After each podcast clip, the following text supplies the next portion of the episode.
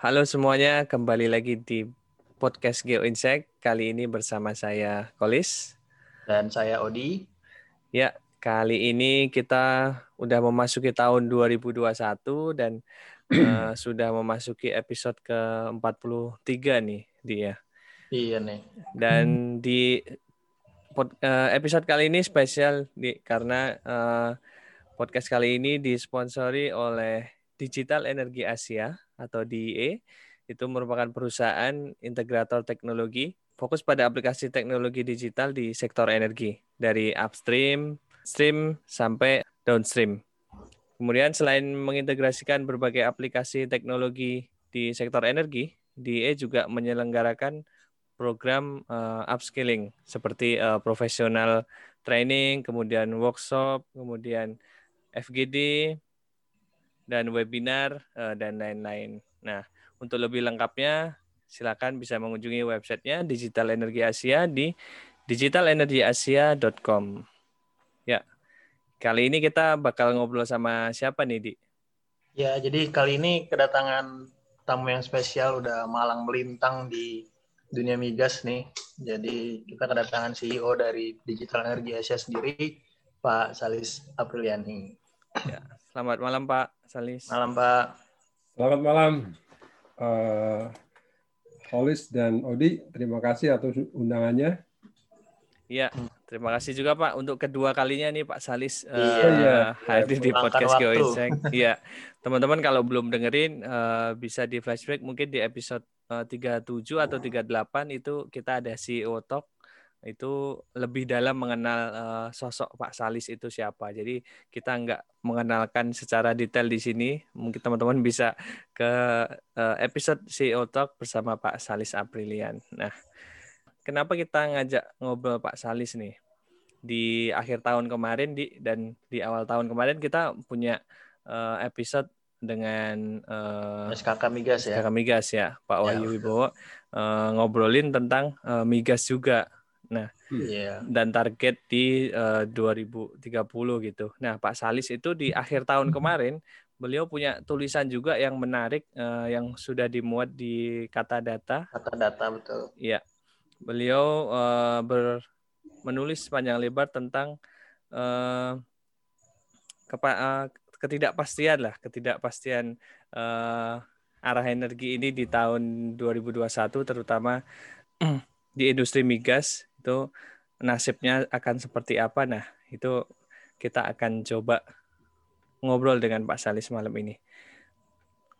Pak Salis, uh, kemarin kan kita udah ngobrol nih Pak dengan Pak Wahyu Wibowo, Kadif hmm. Perencanaan Eksploitasi SKK Migas. Target dari SKK kan di tahun 2030 itu Indonesia bisa produksi satu juta barrel oil per day gitu.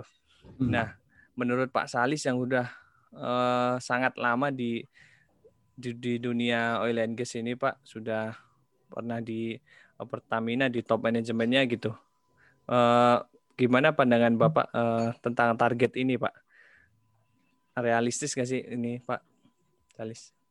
Ya, uh, terima kasih atas pertanyaannya Mas Walis. Jadi uh, memang detail ininya, detail target uh, SKK Migas atau pemerintah ya tentang uh, di tahun 2030 kalau salah satu juta barrelnya itu dan 12 billion uh, cubic feet gas yeah. ya, yang diproduksikan oleh oleh uh, perusahaan-perusahaan di Indonesia itu target SKK Migas.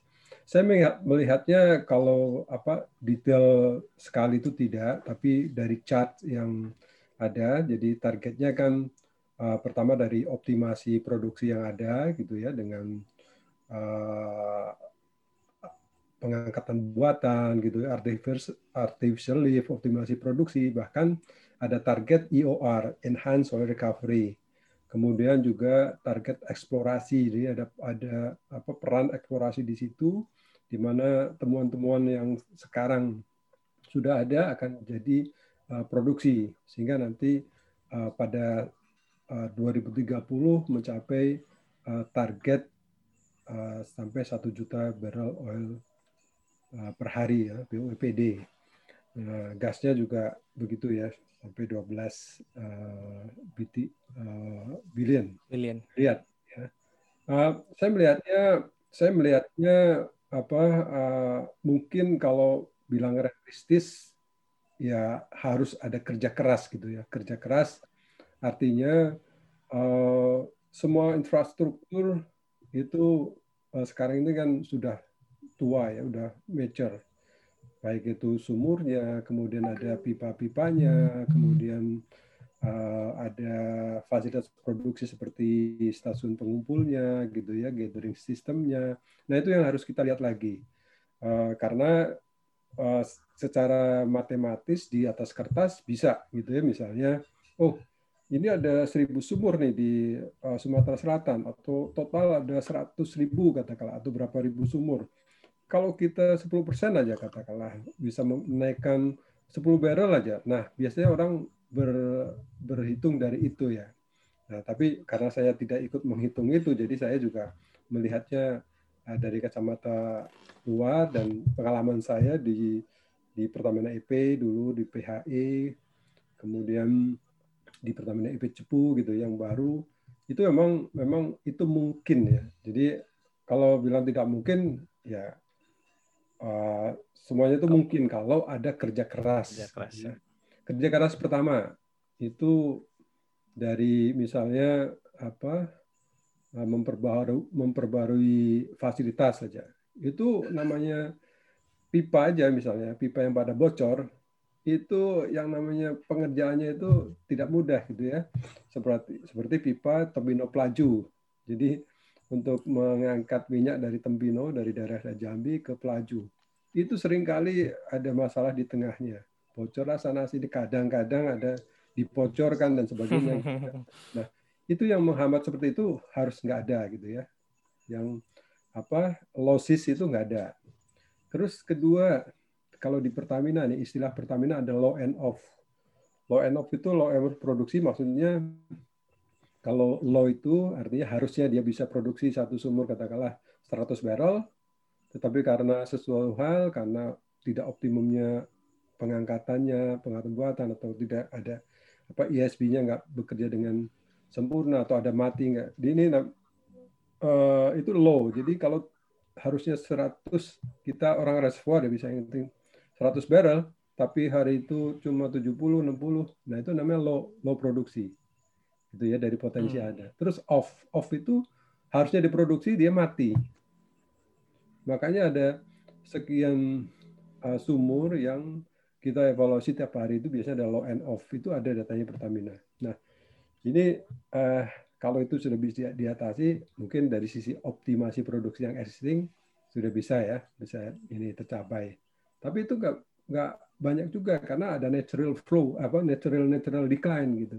Yeah. Ada decline penurunan produksi alamiah karena memang sifatnya reservoir itu kan makin lama tekanan juga makin rendah yeah. gitu ya. Kemudian ada pasti yang ikut terbawa ke pinggir sumur, kemudian ada ada skin skin faktor ada berbagai macam gitu ya jadi penurunan produksi itu mau nggak mau itu harus dikalkulasi.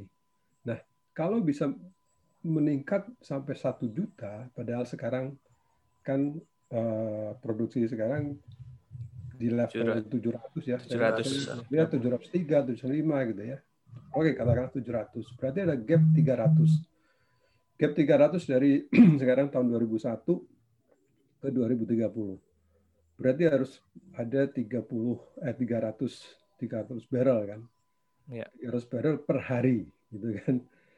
Itu harus terus apa eh, harus naik up, ya. harus naik sampai pokoknya 300. Padahal ini juga turun juga apa yang yang yang lapang-lapangan diandal, diandalkan itu kan turun juga gitu kan. Nah, berarti harus lebih dari 300 saya lihatnya dari mana lagi gitu kan saya ngitung-ngitung sendiri ini ya kayak apa uh, dengan kacamata saya melihat dari mana nih ya sum apa yang lapang-lapangan yang bisa dinaikkan tuh paling nggak ya mungkin bisa dihitung dengan jari ya. Artinya tidak lebih dari 10 mungkin ya yang ini ya.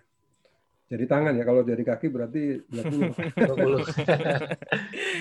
itu mungkin ada 20 lapangan yang yang struggle untuk kita naikkan.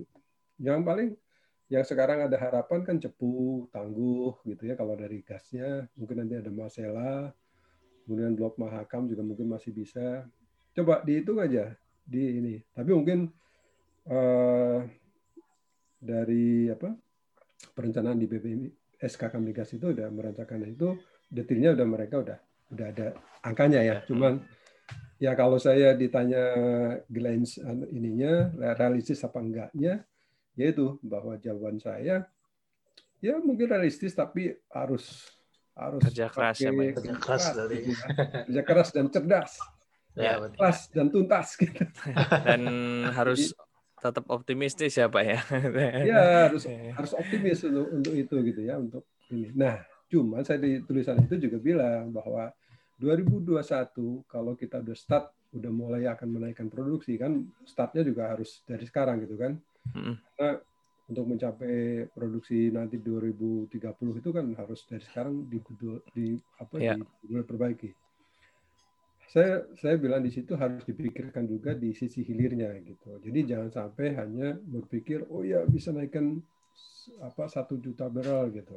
Terus nanti minyaknya mau dikemanakan? Yang beli siapa? Atau untuk untuk kilang kita cocok nggak gitu ya? Atau akan dijual keluar juga ke mana gitu kan karena fenomena sekarang kan sedang sekarang ini ya uh, sedang banjir uh, minyak Sokan. banjir minyak dan gas jadi over ini over supply. Over supply. Iya. Nah itu itu juga harus dipikirkan apa iya nanti di tahun 2030 juga kebutuhan minyak juga masih masih besar gitu ya karena ya seperti saya tulis di situ sudah berkembang nih uh, renewable energy. Kemudian kedua uh, orang negara-negara Eropa sudah me, me disclose menyatakan bahwa dia akan mengurangi uh, fossil fuel gitu ya untuk bahan bakar fosil. Mereka akan beralih sedikit demi sedikit bahkan di 2040 kalau nggak salah ada satu dua negara yang zero uh, emission gitu. Artinya emission, memang ya. dia nggak nggak lagi memakai fossil, fuel, fuel gitu. Nah, kita mau jual ke mana gitu kan? Kita harus punya market lagi atau kalau di Indonesia katakanlah di domestik ya oke kilang kita cocok nggak dengan dengan tadi lama-lamaan yang diproduksikan gitu ya katakanlah uh, sekarang ini aja misalnya gas ya gas di Kalimantan Timur kan sebagian besar sudah produksi dari Eni ya, Eni di uh, lapangan Cangkrik.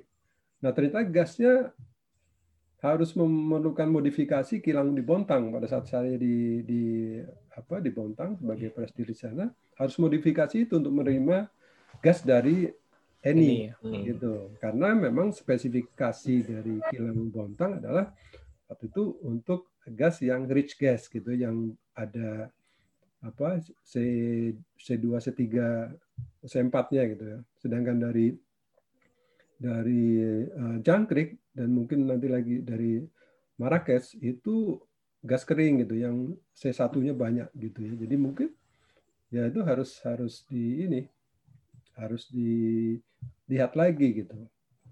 Apalagi kalau menemukan gas, saya bilang di tulisan itu kita harus cari dulu pembelinya gitu. Iya. Kalau gas kan tidak seperti minyak ya, minyak dia bisa katakanlah dijualnya bisa di apa di retail gitu bisa di ini. Kalau tapi kalau gas kalau belum ada pembelinya kontraknya pun harus minimal lima tahun gitu ya untuk pembelian gas supaya dia produksinya nanti kan nggak bisa di stop nih kalau nggak bisa disimpan kalau gas itu biarpun dijadikan LNG dia akan ada penyusutan gitu hmm. jadi dia akan uh, jadi bulk of gasnya keluar uh, dari cairan itu akan akan keluar gas juga karena kan prinsipnya LNG kan menurunkan temperaturnya gitu kan begitu temperaturnya naik atau dari diangkut naik ya dia ada ada losses membentuk gas lagi gitu jadi untuk uh, temuan gas ini memang sedikit rumit uh, bukan rumit ya sedikit challenging gitu ya ada ada tantangan sendiri untuk menyimpannya itu seperti apa. Oke, Pak.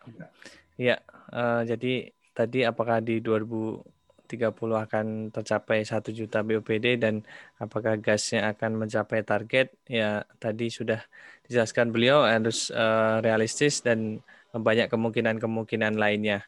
Nah, Pak uh, kalau di tulisan Bapak sendiri kan uh, khususnya meraba nasib uh, industri migas di tahun 2021 ini Pak yang di mana saat ini uh, pandemi COVID masih nggak tahu kapan akan uh, berakhirnya walaupun uh, vaksinnya sudah ada terbatas di uh, di Indonesia gitu apakah uh, oversupply dan uh, apa demand yang sangat berkurang itu menurut Pak Salis di tahun ini masih akan berlanjut sampai akhir tahun atau seperti gimana Pak? Iya, jadi saya melihatnya ini kan efek dari waktu itu perang harga ya antara serap Arab Saudi dengan Rusia sebetulnya pada hmm. awal tahun ini, awal 2020 ya, awal tahun lalu. Itu memang berlanjut. Jadi waktu itu sempat uh, memang dari OPEC itu kan ingin menstabilkan harga. Jadi waktu itu uh, Arab Saudi yang sebagai apa godfathernya OPEC apa yang paling-paling ini produksinya paling besar dia oke okay, untuk menstabilkan harga kita turunkan deh apa uh, produksinya supaya harganya nggak nggak ini. Ah begitu turun produksi harga udah mulai ini, tapi Rusia tetap uh, memproduksikan banyak gitu karena Rusia kan non OPEC. Nah sehingga dia meraup untung yang banyak kan. Nah Arab Saudi apa uh, nggak mau kalah kalau gitu kita banting aja harganya gitu ya kemudian dia produksi lagi banyak lebih banyak lagi jadi waktu itu sempat uh, untuk yang West Texas Intermediate itu apa WTI uh, eh, crude itu negatif gitu. Hmm. Dengan ya brand brand nggak sempat negatif sih karena memang brand sama WTI kan memang ininya trennya sama gitu ya. Karena di di Texas itu kan memang dia di land apa di di di darat gitu ya sehingga uh, kalau di ujungnya nggak ada yang terima maka di pipanya itu penuh minyak, kemudian di tangki-tangkinya juga penuh minyak, ya udah. Nggak bisa dia sumur kan tetap harus produksi kan gitu, karena biaya untuk menutup sumur itu nantinya akan akan lebih besar daripada ngundang katakanlah, eh siapa yang bisa ngambil ini deh nanti saya saya ongkosin gitu. Ya istilahnya gitulah. Jadi tapi itu hanya hitungan matematis karena hanya beberapa hari dua tiga hari gitu bahwa itu sempat sempat negatif gitu ya eh, harga minyaknya. Nah itu di bulan Juni ke Juli. Nah eh, sehingga waktu itu sempat tangki tank apa tanker-tanker yang minyak juga berjejer gitu ya, baik di pantai-pantai di Singapura, di di di Amerika sana juga gitu. Karena dia nggak bisa ngangkut dan di sini jadi macet gitu. Jadi kayak apa? Stuck ya. Ya stuck. Karena di ujungnya ya apa nggak diambil gitu ya nggak ya nggak laku gitu. Akhirnya stucknya sampai ke sini. Nah uh, saya melihatnya itu lebih buruk lagi kemudian di bulan Juli Juni itu kan pandemi ya. Jadi sangat baik uh, di Cina gitu yang yang tadinya dia menyerap energinya apa sebagai sebagai konsumen konsumen energi ini besar, besar. berkurang gitu dalam beberapa hari karena COVID. Kemudian merembet ke negara lain sampai ke Amerika juga gitu.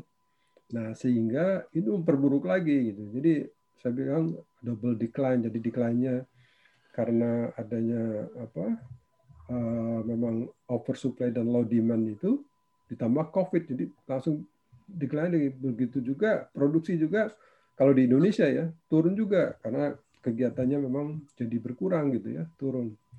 Nah kalau di Indonesia karena ada lagi satu lagi, jadi kalau nggak salah jadi empat apa ya, jadi karena oversupply dan low demand, kemudian karena COVID, terus ada ini exchange rate gitu ya, dolar ke rupiah gitu. Wah udah ajar-ajaran itu kalau kalau perusahaan di, di Jadi, nah apakah ini kemudian berlanjut di 2021? Jadi no nobody nobody knows gitu. Nobody knows. Jadi, ya, hidung siapa gitu nobody knows ya yeah. nggak ada yang tahu gitu ya jadi jadi uh, saya saya sih kalau kalau di tulisan kemarin memang me, merabanya itu benar-benar benar-benar meraba gitu. Jadi nggak nggak ada yang pasti ya karena sekarang VUCA itu kan memang volatile gitu ya. Terus ada uncertain, uncertain gitu ya, apa apa tidak pasti, uncertainty, kemudian kompleks dan ambigu gitu ya. Jadi memang kita nggak bisa prediksi bahkan enam bulan ke depan seperti apa ya. Tapi memang ada indikatif-indikatif itu sih oke okay lah gitu ya. Tapi sampai sekarang pun ya orang masih meraba bahwa oh ya ini setelah ada vaksin kelihatannya pandemi akan akan berkurang. Gitu. Ya memang mungkin berkurang karena orang orang yang ya OTG mungkin banyak gitu tapi optimis saja keluar rumah. Gitu. Iya, iya benar-benar Pak. Jadi saya untuk menjawab pertanyaan itu ya memang ini tergantung COVID sampai mana ya. Walaupun sekarang harga minyak juga kalau harga minyak dunia kan udah mulai pulih ya. Nah, tinggal ICP-nya ICP-nya harusnya ngikutin tapi nggak tahu ICP-nya masih masih di bawah masih apa Indonesia crude prices itu masih masih ini. Jadi mudah-mudahan sih ya kita kita harus optimis bahwa di tahun 2021 ini pandemi berkurang, kemudian konsumsi minyak juga naik, akan ya. lebih banyak, naik, kita juga produksi bisa menemukan mungkin giant field lagi itu apa ini. Ya. Memang memprihatinkan lagi di tengah kini uh, para PSC juga hengkang dari Indonesia ini. iya. Sekalian kontraknya habis sudah gitu. Iya dan dan ya ya oke lah nanti nggak tahu nih siapa yang akan datang lagi kita nggak tahu. iya, ya Pak Salis tadi kan sempat ngobrol tentang energi baru terbarukan nih dan ditulis juga di tulisan Pak Salis di kata data. Hmm. Um, EBT ini kan sebenarnya banyak juga sektornya, nggak cuman uh, mungkin yang kita tahu geothermal, nggak cuma geothermal, ada baterai, ada yang lain, solar, angin dan yang lain. Nah itu kan bisa jadi quote-unquote industri yang seksi buat dilihat gitu di tahun ini mengingat kondisi yang sebelumnya udah dibahas di awal podcast ini gitu tentang harga minyak dan uh, kondisi oversupply yang tadi. Nah tapi uh, menurut Pak Salis kenapa pergerakannya terlihatnya sangat lambat gitu di Indonesia Pak? Ya itu memang ada kebijakan-kebijakan yang mungkin kita harus lihat ya. Jadi begini sebenarnya. Jadi kalau kita kita kan punya energi apa apa apa aja gitu. Maksudnya kita minyak punya, gas punya, batu bara punya. Jadi semua energi yang ada di dunia kita ada. Di Indonesia itu ada gitu ya. Sebut aja apa gitu ya. Mesti ada di Indonesia semuanya ada ya. Iya, jadi ya any energy lah. Sebut aja misalnya di ada ini kita ada gitu. Mau gelombang laut, mau thorium, mau apa ya, kita ada nuklir ya, ada. Nah, sehingga ini memang harus ada kebijakan yang benar-benar bijak. kebijakan benar-benar bijak antara memprediksi supply demand-nya itu seperti apa. Karena gini, kalau kita terlalu mempush apa mau ini kan energi terbarukan ya yang yang perusahaan-perusahaan yang biasa di di fosil ini juga akan akan terganggu kan dan seberapa cepat terganggunya akhirnya saling saling memakan gitu kan makanya kalau perusahaan-perusahaan besar seperti Chevron sekarang BP bahkan dia sudah membentuk divisi sendiri energi terbarukan ya. Sayangnya Pertamina dulu sudah membentuk tapi dibubarkan. Saya nggak tahu ininya mungkin sekarang uh, masuk ke ini kali ya ke apa subholding listrik mungkin ya. Apa seperti PGE itu kan ke sana subholdingnya. Uh, seperti Pertamina apa uh, eh, PPI Pertamina Power Indonesia. Itu mungkin satu grup. Hmm. tapi saya nggak menyinggung itu. Tapi yang yang jelas energi terbarukan di Indonesia itu apa aja ada sebenarnya. Tinggal uh, kita memandangnya itu apa sebagai musuh gitu sebagai musuh apa energi minyak atau apa gitu. Karena memang modalnya cukup besar untuk mengembangkan itu harus ada eh, apa istilahnya keberpihakan dari dari pemerintah atau dari yang punya apa aturan bahwa ya kita harus kembangkan nih potensi geothermal gitu ya. Karena geothermal itu nggak bisa diekspor gitu ya. Karena Hmm, ya. Filipina itu yang punya geothermal jauh sebelum apa apa setelah kita. Jadi kita mengembangkan geothermal itu kan hampir di tahun 70-an eh, sudah sudah ada Kamojang dan sebagainya. Di Filipina waktu itu baru belajar dengan kita juga gitu. Kemudian eh, mereka leading gitu karena memang mereka lihat bahwa di Filipina eh, oil and gas nggak banyak tapi apa geothermal potensinya besar. Jadi mereka fokus ke geothermal dan sekarang terbukti Filipina lebih maju untuk di, di ini. Begitu juga di New Zealand gitu ya.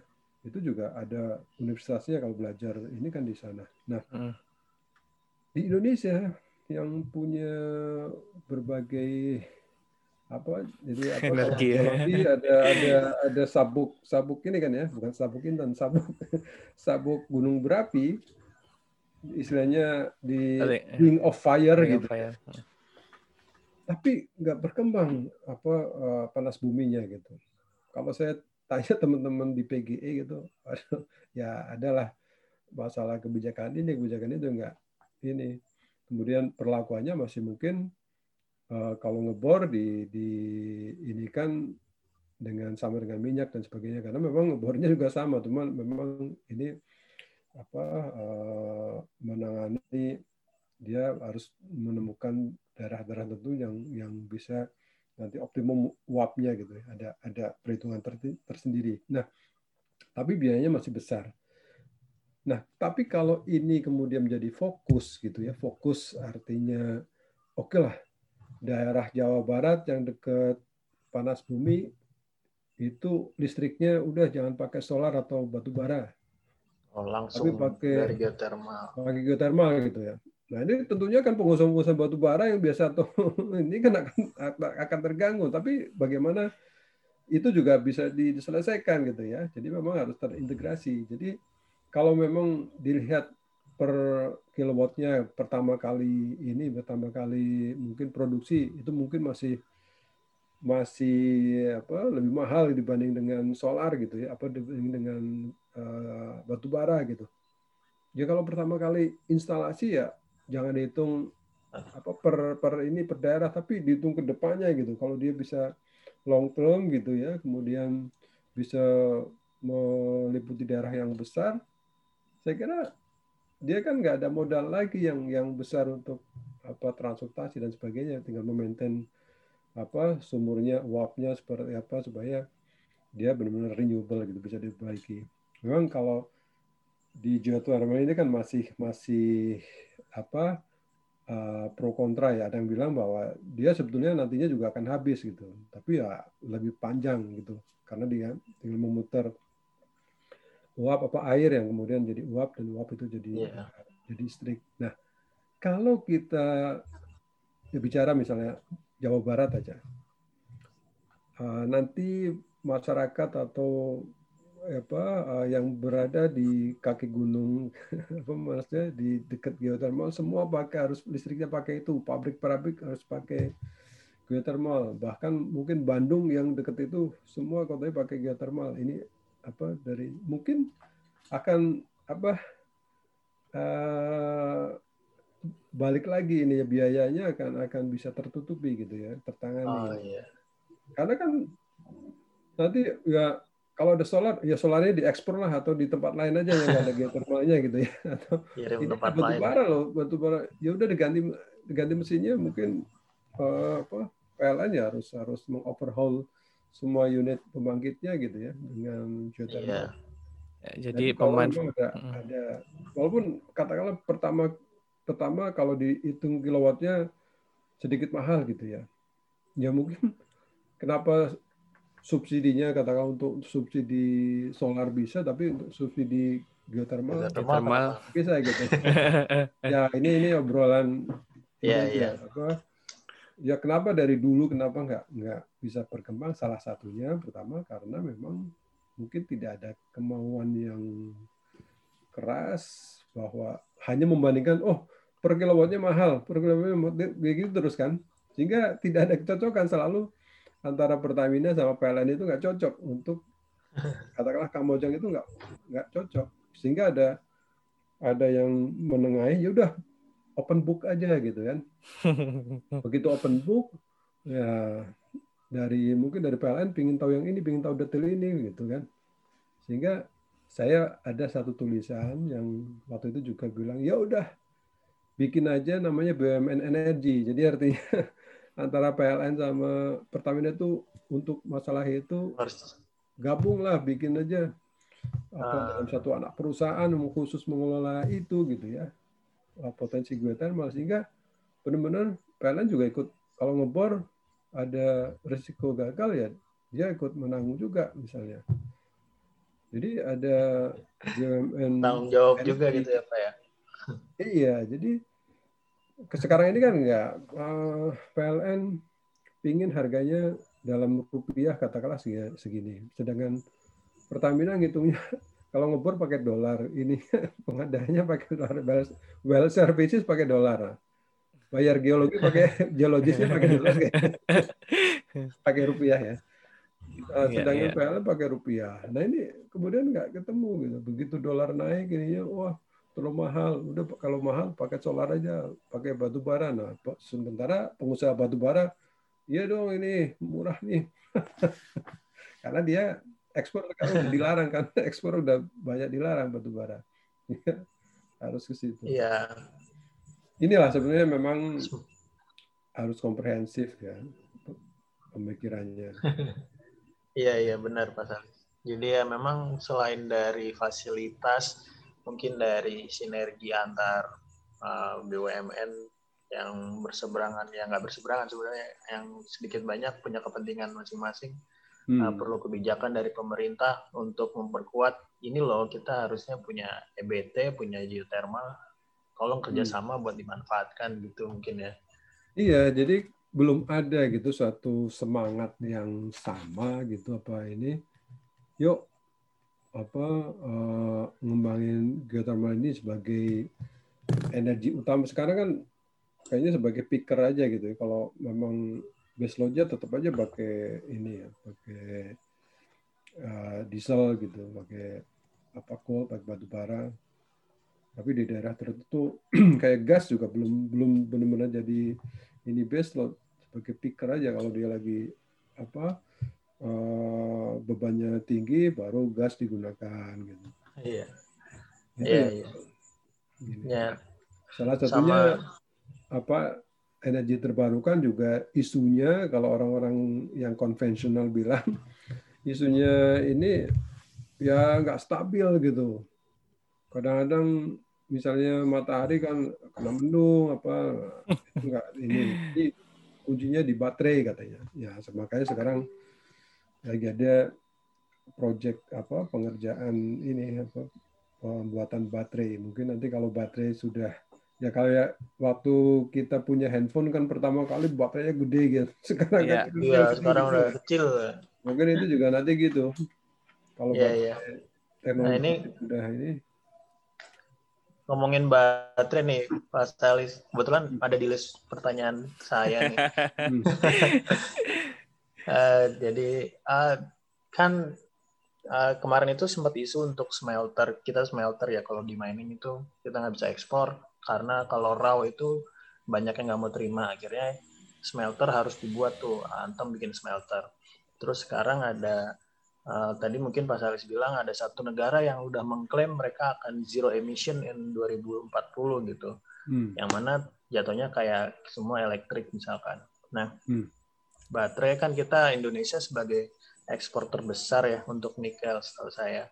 Hmm. Nah, eh, ada ini kan berita yang masuk Elon Musk itu mau investasi di Indonesia. Yeah. Jadi uh, SpaceX lah yang dan hmm. juga Tesla. Nah, untuk baterai sendiri nih dari sudut, pandang Pak Salis. Karena kan sekarang saham Antam tuh lagi naik nih kalau lihat di IDX. Hmm. Nah, itu menurut Pak Salih sendiri gimana nih kalau untuk baterai di Indonesia sekarang ya. atau future-nya? Ya, memang uh, kalau pernah ikut presentasi saya beberapa presentasi saya selalu ada satu slide yang sebagai pembuka ya sebagai icebreaker itu bahwa sekarang ini namanya apa uh, teori kebutuhan Maslow itu Maslow hierarki hmm. itu bukan fisik lagi bukan apa untuk untuk ini untuk baju atau makan gitu ya. Tapi pertama dasar itu baterai gitu. Karena apa? Orang mungkin adalah nggak pakai baju bagus pun pokoknya kalau ada baterai kalau lagi meeting itu udah udah meruang kebutuhan ya mau meeting mau mereka dengan teman gitu ya. Kalau punya handphone bagus tapi baterainya lagi habis atau lowbat ya wah Cuma, udah, udah stresnya setengah mati gitu ya. Kemudian yang kedua kalau baterai full adalah ini wifi gitu ya. Atau nggak ada wifi nggak ada internetnya wifi, wah, bingung. Kalau anda di punya telepon bagus gitu ya kemudian baterainya juga bagus kemudian disuruh ke suatu pulau terpencil gitu. Nggak ada wifi stres dulu mungkin berapa hari aja udah stres. Jadi kebutuhan dasar itu. Jadi menurut saya baterai itu memang kalau ini teknologi ditemukan dan berhasil katakanlah uh, apa dari sisi ininya apa durability apa istilahnya uh, ketahanan ininya juga apa uh, kapasitas baterainya juga bisa besar dan tahan kemudian nanti juga ukurannya kecil gitu itu akan sangat sangat mendistrap uh, industri transportasi terutama. Kemudian ya kedua industri-industri elektronik gitu ya. Seperti dalam presentasi saya biasanya ada saya tampilkan juga namanya smart home itu nantinya orang tinggal di rumah atapnya tuh udah pakai solar PV ya jadi dia sudah terima ini jadi nggak pakai genteng lagi solar PV mm -hmm. pada saat siang ngisi gitu, kemudian charge. masuk ke baterai, atau dia bisa jualan listrik juga ke PLN karena kita nggak butuh katakanlah kita ininya sampai eh, sepuluh ribu ya, sepuluh ribu watt gitu. Kemudian dia cuma pakai setengahnya atau seperempatnya ini bisa dijual ke PLN gitu ya. PLN sekarang pun sudah ada dan ada aturannya. Itu namanya ekspor import metering gitu ya. itu kalau kita pasang solar PV bisa jual ke PLN. Sehingga kalau Eh, untuk sementara PLN sekarang ini hanya menghargai 65% dari kapasitas yang terpasang gitu. Jadi karena mungkin, mungkin aturan seperti itu dan nanti ya belum sampai ke PLN membayar kita, tapi karena kita kebutuhan ini biasanya mengurangi aja, mengurangi pembayaran kita ke PLN gitu ya. Misalnya kalau kita nggak pakai solar, sebulan katakanlah Eh, satu juta gitu untuk bayar listrik mungkin nanti tinggal 300 ribu atau 200 ribu ya karena ada hitung-hitungan kita jual listrik ke PLN. Nah di smart home itu kalau kita udah punya itu tersimpan di baterai maka kalau malam kayak gini uh, Audi katakanlah mobilnya udah di charge dulu aja gitu ya. Iya. Sehingga dia ngisi begitu ngisi langsung tik gitu ya ada notification kemudian udah ini besoknya udah buat jalan gitu ya. Bisa tinggal pakai. Tinggal pakai. Kemudian untuk uh, pompa air apa kulkas dan segala macam udah dari situ.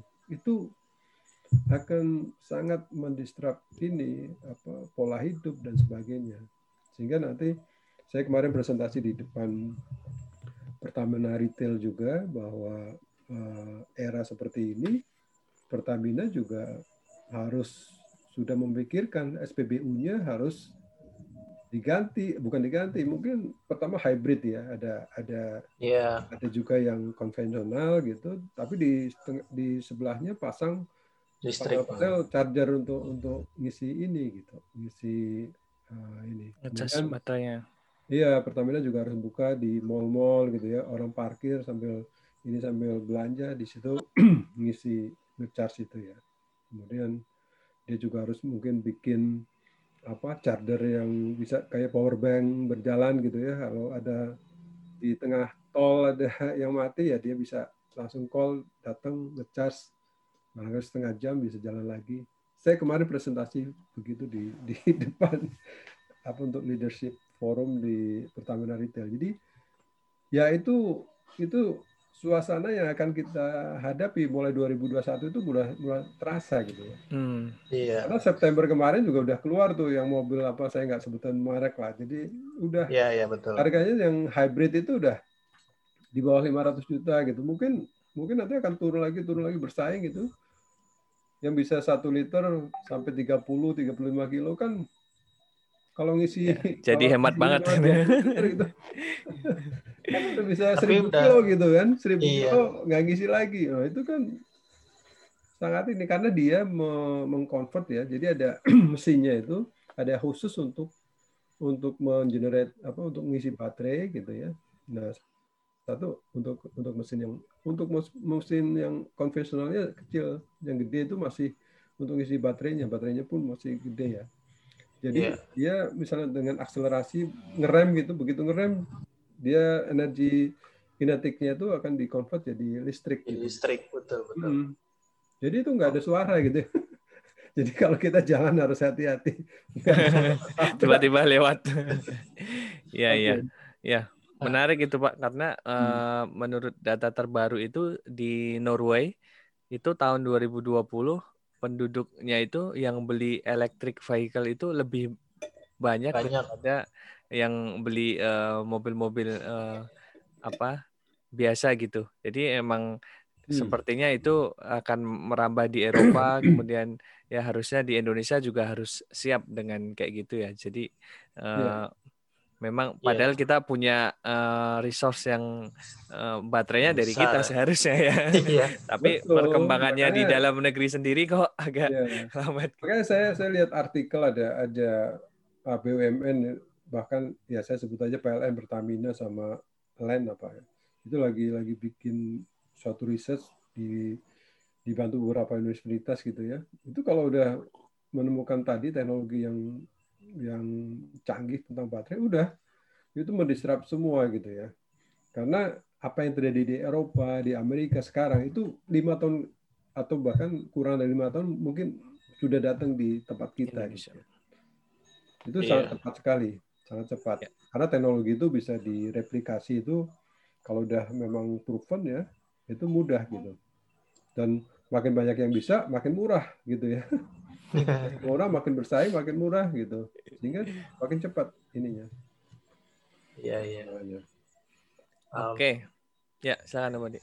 Iya iya. Eh, faktanya kemarin tuh udah ada eh, tiga stasiun pengisian listrik untuk mobil listrik di rest Hmm. area dari Jakarta sampai Semarang kalau nggak salah. Jadi Oke. eh, untuk sampai Semarang dengan menggunakan mobil listrik yang sekarang tuh kayaknya udah ada pabrikan eh, pabrikan yang mengeluarkan mass production mobil listrik itu udah Hmm. bisa.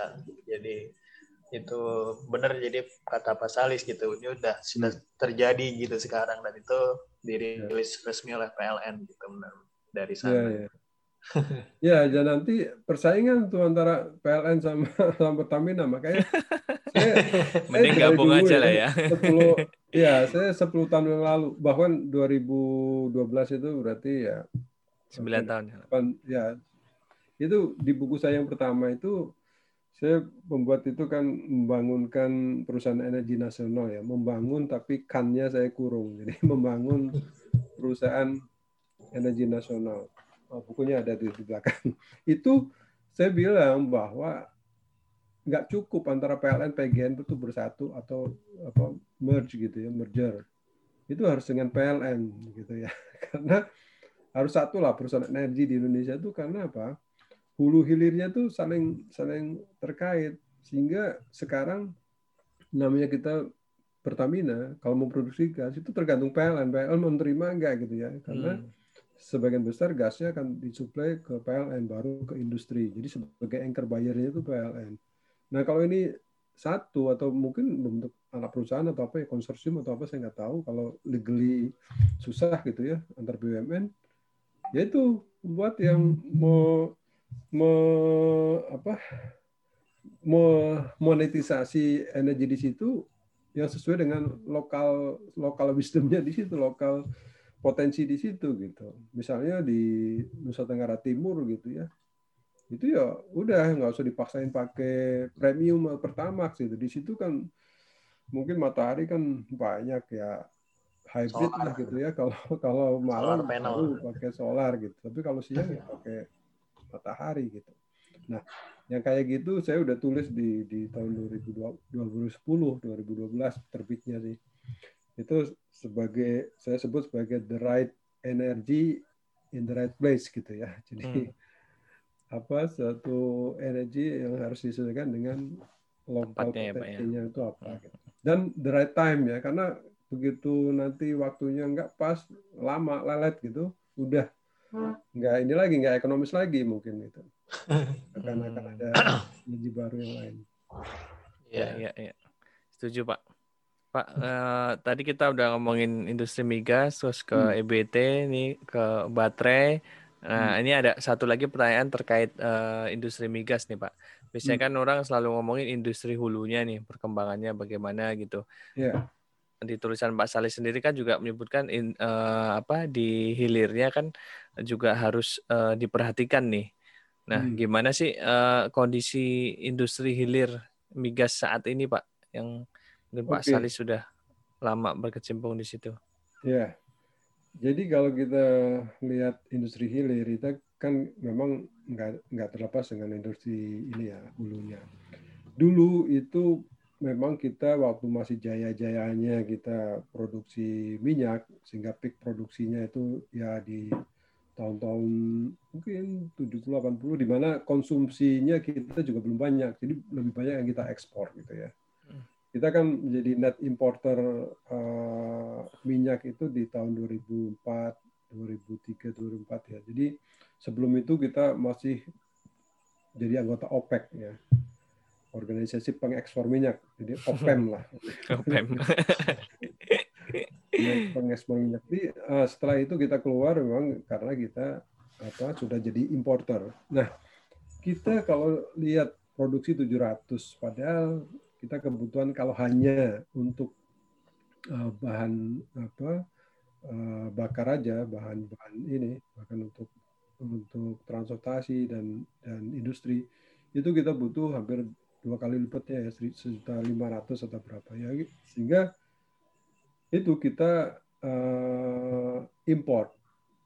Nah selain import crude juga nggak cukup rupanya crude itu di ini sehingga masih import juga uh, yang yang sudah jadi gitu ya. Uh, seperti LPG itu masih sebagai masih import. Karena kita masih kurang gitu ternyata kebutuhan antara kebutuhan antara supply demandnya itu nggak nggak ini memang sebagian minyak mentahnya yang punya punya PSC ada yang diekspor tapi kan sekarang PSC juga tinggal sedikit bahkan udah di, di ini hmm. Pertamina semua ya Nah, sehingga eh, kilang-kilang uh, kita itu memproses itu masih masih kurang untuk kebutuhan transportasi ya BBM. Sehingga kita masih import juga BBM. Nah, di hilir itu juga nggak salah serunya challenge-nya gitu ya. Karena apa uh, minyak yang dulu kita uh, desain untuk untuk kebutuhan dalam negeri itu memang yang minyak yang apa banyak uh, komponennya itu di komponen berat gitu ya sehingga pada saat itu kita kayak ada exchange lah yang kita minyak-minyak dari Minas yang bagus gitu ya atau dari Arco dulu kita ekspor kemudian kita mendapatkan minyak dari Timur Tengah yang untuk kebutuhan kilang kita untuk bisa diproduksikan. Nah, tapi sekarang ini kilang-kilang kita kan sudah diperbarui ya dengan program RDMP itu. Refinery Development uh, Project. Jadi uh, seperti yang tadinya di Balongan hanya kapasitas berapa untuk pertamax sekarang udah besar bisa memproduksi pertamax lebih besar. Kemudian di Balikpapan juga itu ada RDMB namanya. Nah, yang belum ada itu apa dari grass namanya grassroots. Jadi yang benar-benar kilang baru yang akan dibangun. Nah, itu juga challenge-nya pertama modalnya itu kita kan harus besar, tapi marginnya kecil gitu ya. Marginnya artinya begitu kita mengolah uh, crude oil jadi minyak itu marginnya kecil sehingga kita butuh waktu 15-20 tahun untuk bisa uh, kembali modal dan nanti untungnya itu kecil sehingga ada pro kontra antara membangun minyak, atau membangun kilang atau apa gitu. Nah, saya termasuk apa yang dari sisi lebih setuju ya, lebih setuju ya. Kalau membangun kilang, kalau memang ada uangnya dan apa krutnya dari Indonesia nggak nggak impor lagi sih oke aja gitu. Tapi sekarang ini kan kilang kilang-kilang kita mau dibangun tapi krutnya dari luar kan sama aja. Kita import krut kemudian dikelola lagi kemudian kita jual gitu. Kenapa nggak memperbanyak storage aja? Storage untuk katakanlah memang kalau kebutuhannya untuk bahan bakar atau BBM ya untuk bahan bakar untuk uh, motor mobil ya perbesar aja ini apa perbanyak aja uh, storage tank gitu ya untuk menampung katakanlah uh, produk-produk yang memang pada saat itu kita kontrak jangka panjang katakanlah dari kilang Singapura atau kilang mana yang memang sudah ready kita store aja di situ kita simpan aja di situ sebagai uh, cadangan ini kita gitu ya cadangan minyak kita. Jadi ini memang pro kontra tapi saya lebih lebih uh, berpihak gitu ya pada pembangunan ini memperbanyak storage aja gitu. Kalau sama-sama import bahan ininya. Toh ya sama-sama import ya Pak ya. iya, toh kita nggak tahu penggunaan BBM itu sampai tahun berapa gitu. Iya kan tapi Iya. Tadi di apa kalau ada mobil listrik dan sebagainya seperti apa? Tapi saya setuju kalau pembangunan kilang itu disertai dengan petrokimia gitu. Petrokimia artinya tidak memproduksi bahan bakar saja, tapi minyak itu jadi bahan baku yang bisa diproses ya jadi apa mungkin etanol atau untuk gas ya apalagi gas belum dimanfaatkan sama, sama sekali di petro petrokimia, petrokimia. gas gitu ya. itu kan bisa jadi baju bisa dari apa bahan untuk pecah belah gitu ya pak. Ya macam-macam bahkan bahan bangunan gitu kan dari dari minyak bisa sekarang itu kan yang lebih lebih ada multiplier efeknya gitu dibanding hanya memproduksi katakanlah untuk bahan bakar gitu. Itu sih jadi di yeah. hilir itu ya very challenging gitu ya untuk bisnisnya. Contohnya sekarang apa yang pernah saya di situ di PT Badak juga uh, sedang memiliki kesulitan bagaimana menjual produknya itu uh, sama seperti yang dulu gitu. Karena dulu kita mendapat premium price gitu ya waktu jual ke Jepang karena memang LNG kita bagus gitu ya.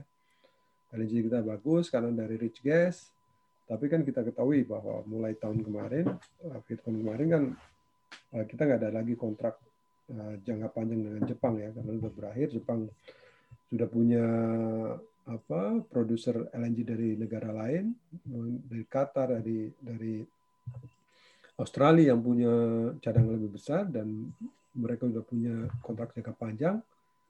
Nah kita kan bingung nih apa mau ke mana. Nah di situlah uh, saya usulkan bahwa infrastruktur untuk LNG itu benar-benar harus menjadi fokus uh, pemerintah sekarang atau uh, Pertamina yang ditunjuk sebagai pengelola migas bisa menyiapkan di LNG itu kalau di, digunakan di domestik gitu harus apa aja yang dibangun gitu.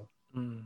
Nah ini kan harus bangun katakanlah mini LNG vessel gitu ya, vessel atau apa kapal-kapal LNG yang di, untuk ekspor keluar kan besar-besar sekali tuh.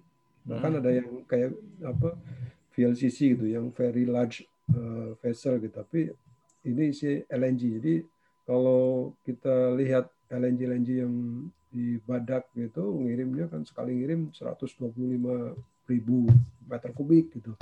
Nah ini kita coba me, membuat apa menggunakan teknologi-teknologi yang small scale LNG gitu yang bisa membawa LNG dalam kapasitas kecil mungkin ke pulau-pulau yang kecil dan sebagainya.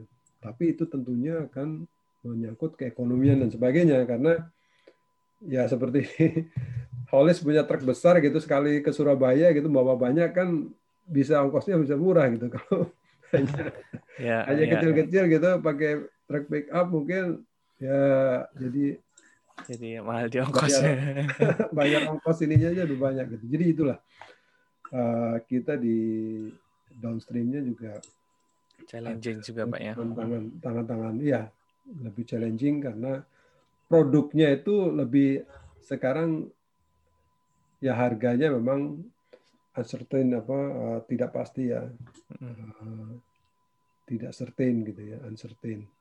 Nah, Oke. Okay. Tapi juga dari feedstocknya up and down juga gitu. Jadi dia dia kejepit sebetulnya. Kejepit sebetulnya kalau dihilir. Oke, Pak Salis uh, terakhir nih Pak. Oke. Okay. Uh, di luar konteks. Oke, okay, kalau Salis kan dikat-kat aja. iya Pak, Pak Salis kan bikin uh, rajin nulis buku nih Pak, dan sekarang uh, kelihatannya sedang menyiapkan buku lagi nih Pak.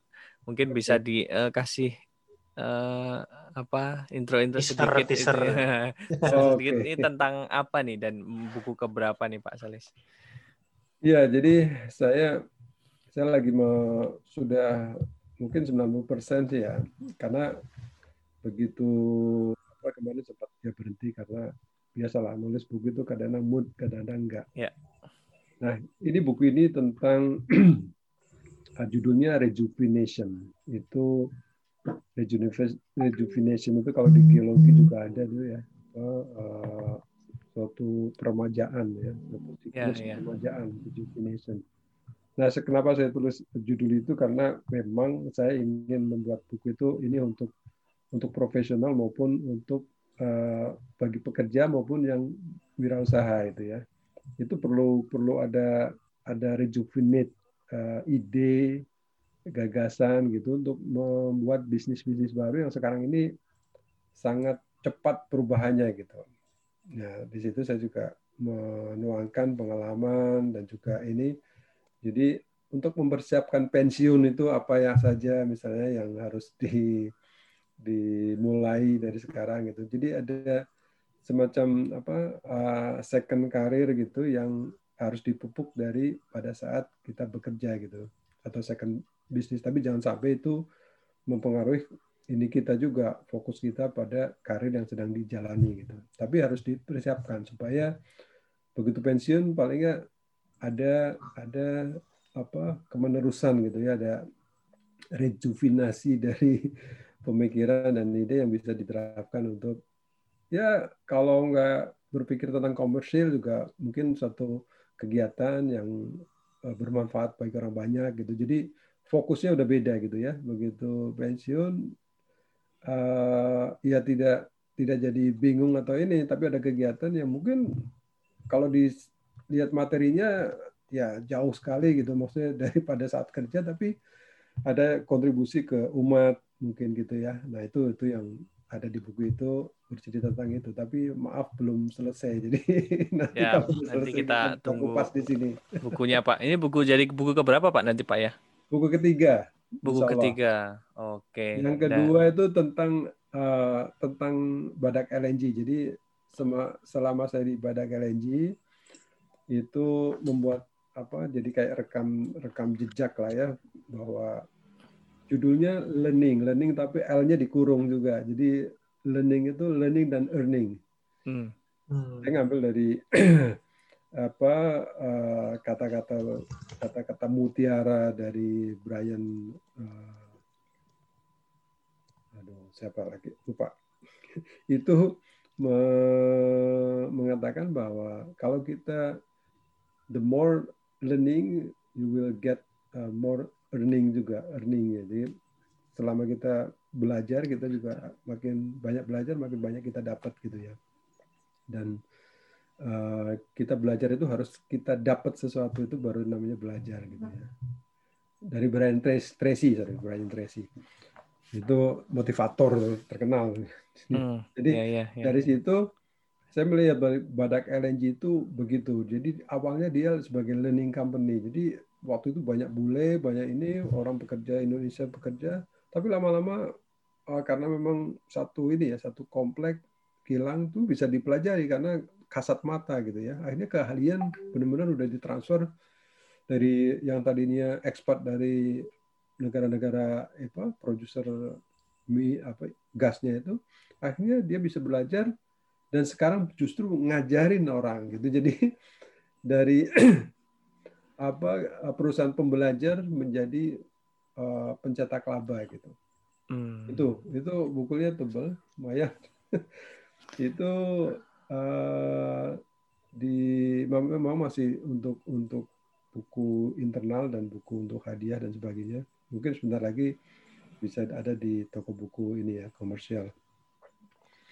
Uh, itu bercerita nah, ada ada leadershipnya di situ bagaimana yang tadinya apa uh, badak turun seperti ini feedstocknya kemudian saya uh, waktu itu kampanye kan namanya second life cycle gitu ya jadi ya kita punya potensi talent kita bisa ditularkan ke orang lain dan akhirnya sekarang begitu ya orang Amerika juga belajarnya di badak orang dari Angola, dari Mozambik, belajarnya di Badak. Jadi orang-orang pada ngajar apa teman-teman di Badak ngajarnya orang-orang dari luar.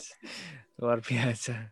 Berarti dulu orang-orang itu yang belajar dari orang luar itu, Pak ya? Iya, jadi itu oh. membalikan ya, ya, ya sejarah ya. kemudian sampai ke bagaimana learning company ini. Oke. Okay. Become earning gitu. Siap Pak, nanti kita tunggu buku barunya ya Pak ya. Oke. Oke, insya Allah. Oke, Om dia ada pertanyaan? Saya? Ah, enggak sih. Mungkin tadi udah cukup merangkum semua dari Pak Salis dan ya. Inspirasi-inspirasi bukunya kayaknya perlu dicontek ini. Iya, iya, iya. Makanya nanti sekalian kita pas mau launching nanti kita launching juga deh di Geo di Instagram Geo Insight gitu. Oh, ya, okay. Para milenial banyak yang ngebaca juga. Iya. Pak Salis, terima kasih atas ya. waktunya malam hmm. ini. Semoga uh, sehat selalu Pak dan Amin. Uh, semoga Amin. bukunya cepat selesai. ya, terima kasih juga pada uh, Digital Energi Asia Pak udah mensponsori uh, podcast kali ini. Di Digital Energi Asia sendiri itu uh, ada upskilling dan leadership ya Pak ya. Dan ya. Pak Salis itu uh, sebagai mentornya nanti uh, mungkin kita akan teman-teman tungguin aja kita akan adakan uh, semacam webinar tentang uh, leadership pasti akan uh, okay. sangat menarik nih dari uh, Pak Salis Aprilian. Oke. Okay. Terima kasih uh, semuanya yang udah pada uh, dengerin episode kali ini. Kalau mau lebih tahu detail tentang personal ke Pak Salis itu bisa ke episode uh, di CEO Talk. Uh, dan jangan lupa follow Instagram Geo Insect uh, at Geo Insect dan juga uh, YouTube dan YouTube dan Spotify yes. uh, at Geo Insect ID dan jangan lupa follow Instagramnya Pak Salis juga. Oh iya. Uh, iya. nanti nanti kalau pengen di fallback tulis tolong dong di Nanti tinggal di DM aja Pak ya, atau di DM teman-teman direct message ke Instagramnya Pak Salis, iya, dong Pak gitu. Karena kalau enggak saya kan enggak enggak ini Bu. Enggak apa Enggak ngeh juga Pak ya. Di situ lah. Iya iya iya. Kalau misalnya bilang aja pendengar Geo Insight gitu nanti. Nah, gitu. pendengar Geo Insight. Geo yeah. Insight tolong dong di fallback. Instagramnya Pak Salis itu @salisaprilian kalau tidak keliru ya. Coba saya Aprilian Salis kalau salah. Oh iya. Aprilian Salis uh, teman-teman bisa uh, follow di situ. Oh biar udah hampir seribu nih followersnya. Biar ningkat pak. Abis ini orang-orang dengerin nih followersnya nambah nih pak. Okay, okay. atau terima kasih. mau, mau ini digital Asia digital energi Asia juga ada ada Instagramnya silahkan di situ. Biasanya ada sharing. Kalau ada ini kegiatan-kegiatannya pak ya? ya ada kegiatan biasanya sharing juga di situ. Oke siap teman-teman yang mau tahu Digital Energi Asia itu bisa follow Instagramnya @digitalenergiasia atau ke websitenya digital energi digitalenergiasia.com. Oke. Okay. okay. Terima kasih semuanya sampai ketemu di episode selanjutnya.